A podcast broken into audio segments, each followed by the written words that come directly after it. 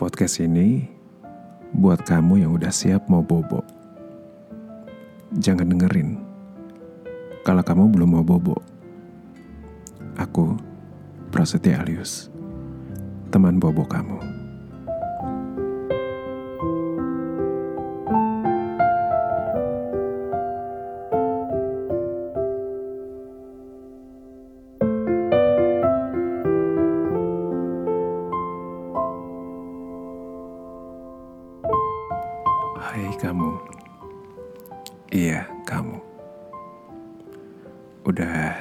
Siap mau bobo ya?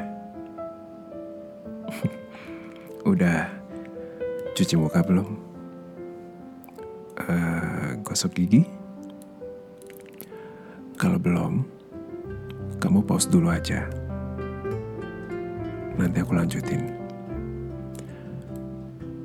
Aku bakal di sini terus kok buat kamu. Ya. Pause sekarang ya.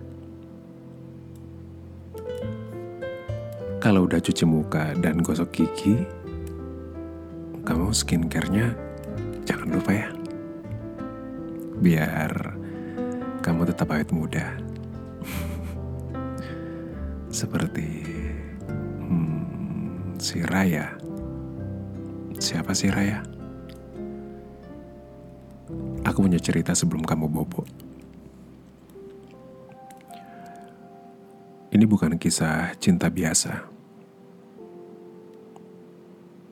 Ini kisah tentang cinta luar biasa dari tiga orang yang luar biasa. Mereka adalah Jenar, Handi, dan Raya.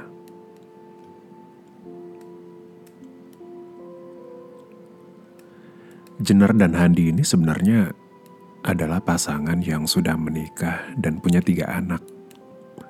Sedangkan Raya, seorang wanita ambisius dengan profesinya sebagai tenaga pendidik di sebuah pedalaman di Sumatera. Ini tuh kisah di tahun 70-an. Saat aku dan kamu belum ada di dunia ini. Kamu udah siap belum? Cari posisi enak di tempat tidur ya. Lampunya matiin dulu aja. Katanya tidur yang berkualitas itu bisa didapat saat tidur dengan kondisi lampu mati semua. Matiin aja semua. Biar di dunia ini cuma ada aku dan kamu.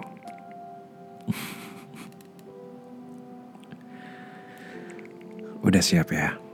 Dengerin lanjutan cerita cinta luar biasa ini.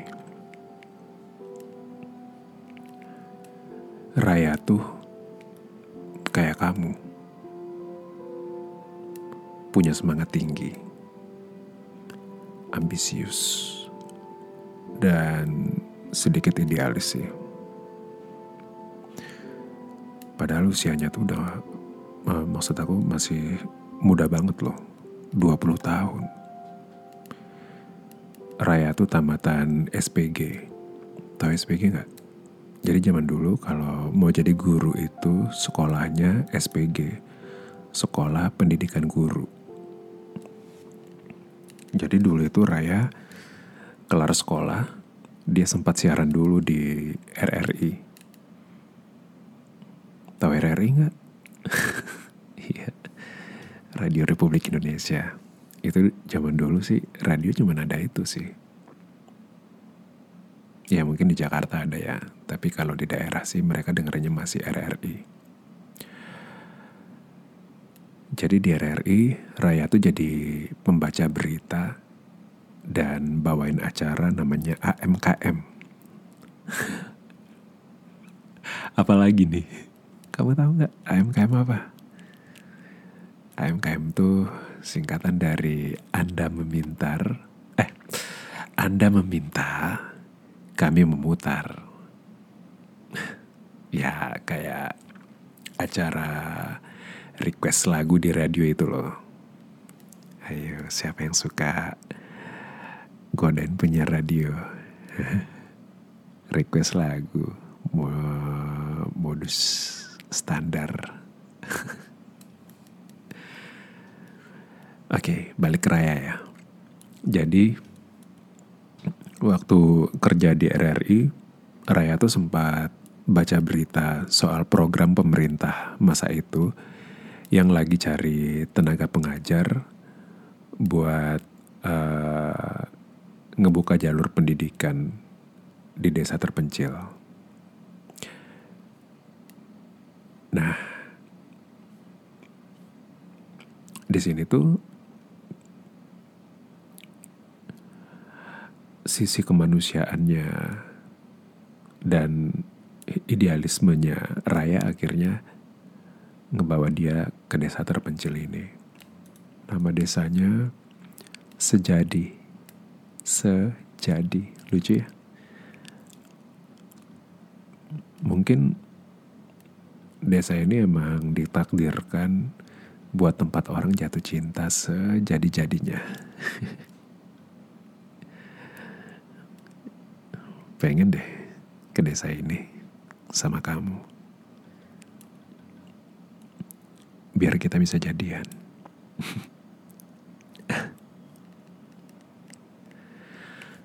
Oke, okay. uh, Raya pun akhirnya ninggalin kerjaannya di RRI dan pindah ke desa Sejadi. Di sini dia ketemu sama seseorang yang cukup terpandang di desa itu. Karena katanya keturunan pemangku adat gitu ya, kayak orang terpandang lah. Uh, kayak sultan, keluarga sultan kali ya kalau di Jawa ya. Dan dia juga kaya sih, tuan tanah. Oke, orang ini namanya Handi.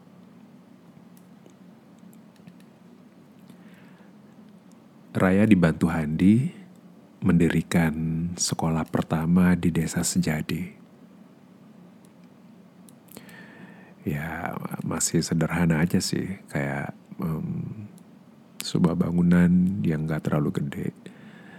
Uh, dindingnya kayu, atapnya seng, uh, lantai masih tanah. Ya, yang penting cukuplah buat berteduh dari panas dan hujan. Ini aja Raya udah seneng banget. Akhirnya dapat support dari orang yang terpandang di desa Sejadi. Tahun 70-an tuh di beberapa daerah masih banyak banget yang nggak tersentuh sama pendidikan termasuk di desa Sejadi ini. Dan ini jadi tantangan berat banget buat Raya buat uh, ngajak orang-orang untuk datang ke sekolah atau masukin anaknya ke sekolah itu susah banget. Susah banget. Sampai akhirnya Raya pun door to door gitu ke rumah warga buat ngajarin mereka baca tulis. Karena hampir 90% warga di desa itu tuh nggak bisa baca tulis.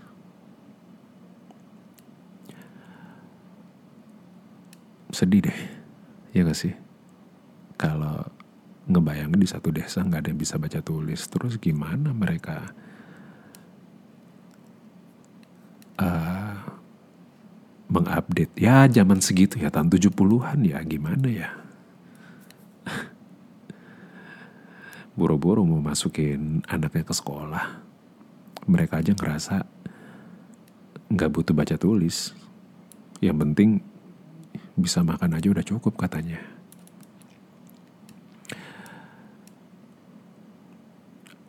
Balik lagi ke Raya ya. Jadi waktu door to door dan keliling kampung, Raya ini ditemenin sama Handi dan dianterin gitu pakai Vespa uh, keliling seharian rumah ke rumah. Oke, okay. hmm, seiring perjalanan waktu, Handi kok ngerasa kayak kagum gitu sama Raya. Kagum sama dedikasinya. Kagum sama ambisinya, kagum sama kepintarannya, dan yang jelas sih, kagum sama kecantikannya. Kayak aku mengagumi kamu gitu.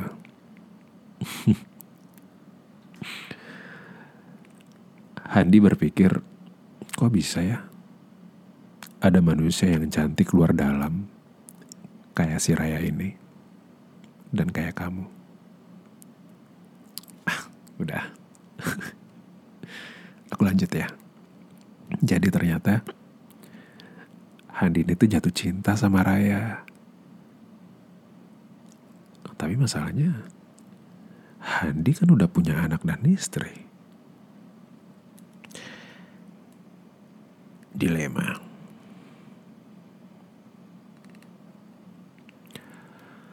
Waktu pun berlalu. Handi gak sanggup nahan beban perasaannya sama Raya. Dan ternyata akhirnya dia pun nekat ngelamar Raya. Wait, what? Ngelamar, serius. Iya. Mungkin Eh, zaman itu nggak ada istilah pacaran ya. Bagi orang-orang di kampung. Kalau naksir ya langsung ngelamar. Jadi suami istri gitu. Ya Raya kaget dong. Masa Handi yang udah punya anak dan istri nekat ngelamar dia? Raya nggak mau jadi istri kedua.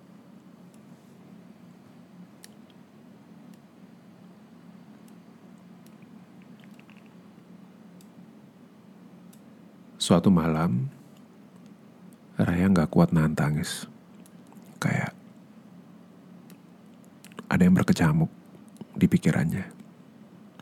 Semacam perasaan aku sekarang. Iya, aku. Mikirin kamu. Pengennya sih ceritain kisah cinta ini langsung di sebelah kamu saat ini. Hmm, maybe someday back to story ya. Raya. Jadi ternyata Raya ini sebenarnya ternyata juga punya perasaan yang sama terhadap Handi. Tapi kan Handi udah punya istri. Raya yakin banget dia lagi jatuh cinta. Dan cintanya pun sebenarnya kan bersambut. Karena Handi jelas-jelas cinta sama dia. Tapi kondisi kan gak memungkinkan. You know, Hadi udah punya istri, udah punya anak malah. Raya kalut, bingung, jadi stres sendiri. Bingung sejadi-jadinya.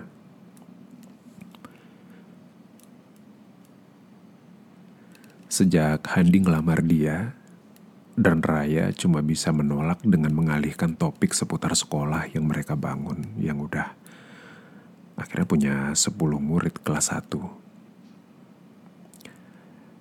Raya berusaha untuk sebisa mungkin menghindar dari Handi. Tapi semakin menghindar, Raya kayak semakin terpukul dan sedih.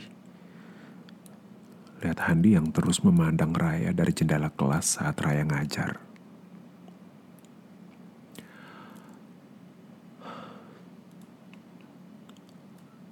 Suatu malam,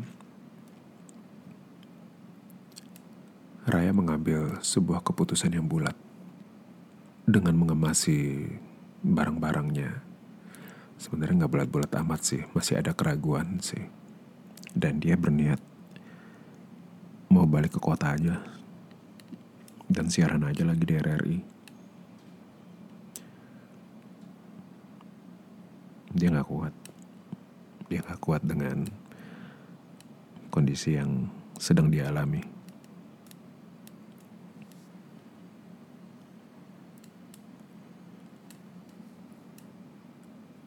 Besok paginya, Raya berdiri di pinggir jalan bertanah merah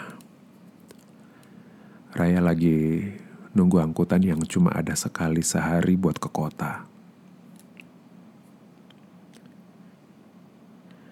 beberapa warga satu persatu nyamperin Raya. Mereka sedih dan gak tahu kenapa Raya harus ninggalin desa sejadi. Padahal mereka lagi semangat-semangatnya belajar. Ada yang datang bawa buah-buahan, ada yang datang bawa makanan. Katanya buat bekal raya di perjalanan ke kota.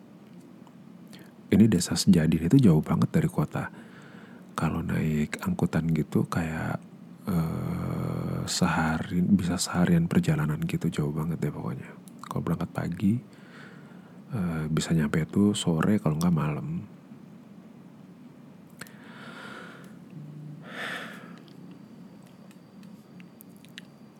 pastinya Raya tersentuh dong dan dia nggak kuat nahan tangis lagi. Cengeng ya Raya, kamu gitu juga nggak suka gampang nangis gitu? Kalau ada yang bikin kamu sedih, bilang ke aku ya. Oke, okay. uh, Raya tuh sebenarnya nggak kepengen ninggalin desa sejadi karena dia ngerasa tugasnya belum selesai buat membangkitkan desa ini dari keterpurukan di bidang pendidikan. Tapi Raya kan juga manusia yang juga tetap harus mikirin dirinya sendiri. Raya nggak sanggup harus ketemu Hadi terus, meskipun beberapa hari belakangan ini Hadi itu nggak pernah kelihatan lagi di sekolah apalagi ke rumah raya. Udah gak kelihatan beberapa hari ini. Tapi yang anehnya lagi dan yang bikin malah memperburuk kondisi hatinya Raya itu justru ini yang bikin Raya makin nggak kuat dan kayak kayak ada rasa rindu tapi gak pengen ketemu. Ada rasa saling cinta, tapi gak bisa bersama. Hadi punya jenar, sedangkan Raya gak punya siapa-siapa. Raya mikir, kenapa sih harus jatuh cinta dan dicintai sama orang yang udah beristri kayak Handi. Ada sisi lain dari Raya yang kasihan sama Jenar. Karena Raya sendiri pun mengenal Jenar dengan baik banget. Jenar itu tipe istri yang baik banget buat Handi dan ibu yang baik buat anak-anak mereka. Ini tuh yang bikin Raya nggak mau ngerasa jadi orang yang jahat dengan hadir di kehidupan mereka. Jenar itu tipe wanita desa yang sangat lembut dan punya perhatian. Raya aja sering dibawain makanan sama Jenar dan masakannya juga enak.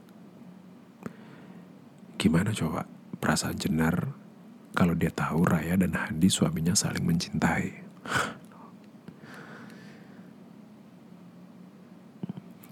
ini yang bikin nggak sadar Raya air matanya jatuh sambil menatap nanar sapi-sapi yang sedang makan di padang rumput seberang jalan tempat Raya menunggu angkutan. Dan tiba-tiba ada yang menyodorkan sapu tangan ke Raya buat menghapus air mata Raya. Raya noleh ke tangan tersebut dan ternyata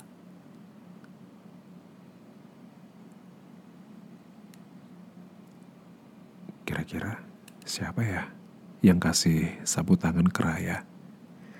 Jadi gak sih Raya balik ke kota dan ninggalin desa sejadi dan tentunya Handi yang dia cintai dan mencintai.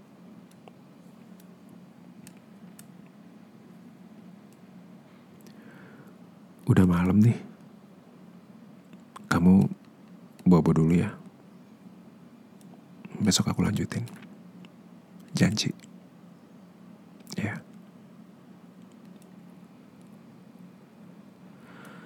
Kisah cinta luar biasa ini terlalu panjang buat diceritain dalam semalam. Aku kayak juga ngantuk nih. Lain waktu aku lanjutin ya ceritanya. Kalau aku lupa, tolong ingetin aku ya. Kamu juga bisa ingetin aku di Instagram aku ya. At Prasali. At P R A S S A L L I. Prasali. Aku gak ke mana-mana kok. Aku akan di sini terus buat nemenin kamu. ya, yeah, I promise. Aku di sini terus buat kamu. Oke. Okay.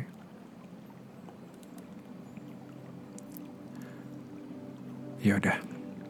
Um, sekarang bobo ya. Kamu istirahat yang cukup, jangan sakit. Biar kita bisa bareng terus. Meskipun aku di sini, kamu di sana. Kan lagi physical distancing. Bawa ya. Oke. Okay. Bawa. Bawa ya.